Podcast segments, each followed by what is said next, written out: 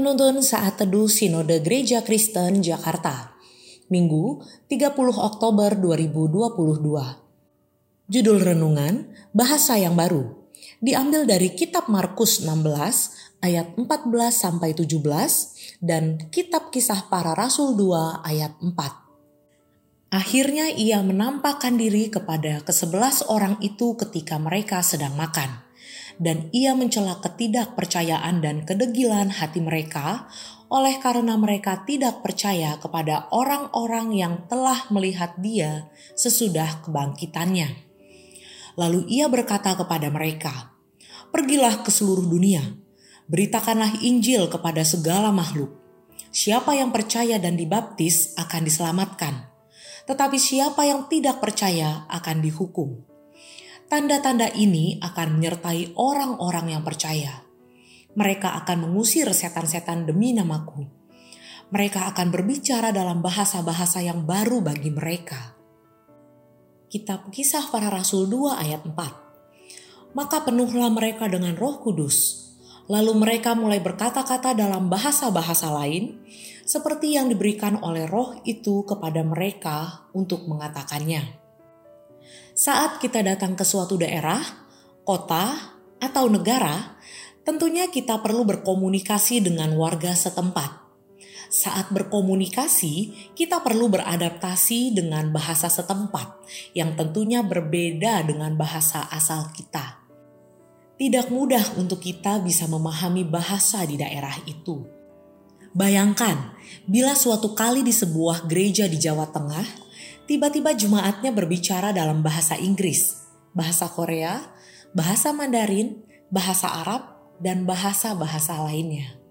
Sangat mencengangkan. Kondisi inilah yang dialami oleh para rasul. Mereka sedang menanti janji Tuhan Yesus sebelum naik ke surga.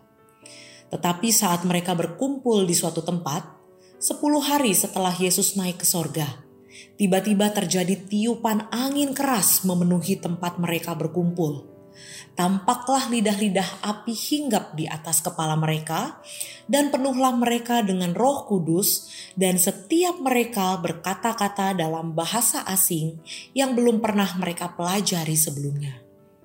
Karunia Roh Kudus yang dialami para rasul ini adalah hal spektakuler yang belum pernah terjadi saat itu mereka tidak pernah mempelajari bahasa-bahasa yang mereka katakan. Namun, orang lain yang mendengar perkataan mereka memahami artinya, karena mereka berasal dari daerah asal dari bahasa-bahasa itu.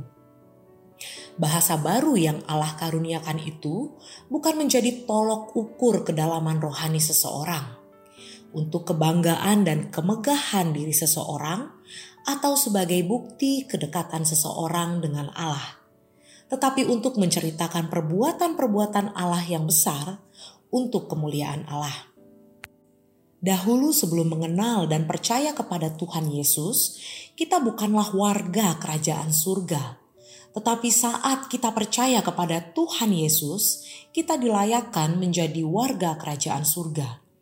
Tentunya, kita harus menunjukkan jati diri kita sebagai warga kerajaan surga dengan berkomunikasi dalam bahasa baru, yaitu bahasa yang menyatakan kebesaran Tuhan, bahasa yang memberitakan perbuatan-perbuatan Tuhan yang ajaib, bahasa yang menceritakan kemuliaan Allah melalui karya salib Kristus Yesus. Bahasa yang baru tetap disampaikan dalam bahasa negara kita Indonesia kepada sesama warga negara Indonesia. Namun, kata-kata yang keluar syarat dengan pemuliaan kepada Allah kita yang menyatakan perbuatan ajaib melalui karya salib Kristus Yesus. Dari bahasanya, seseorang diketahui asalnya. Dari bahasa baru yang disampaikan seseorang, dikenal sebagai warga kerajaan Allah. Terpujilah nama Tuhan.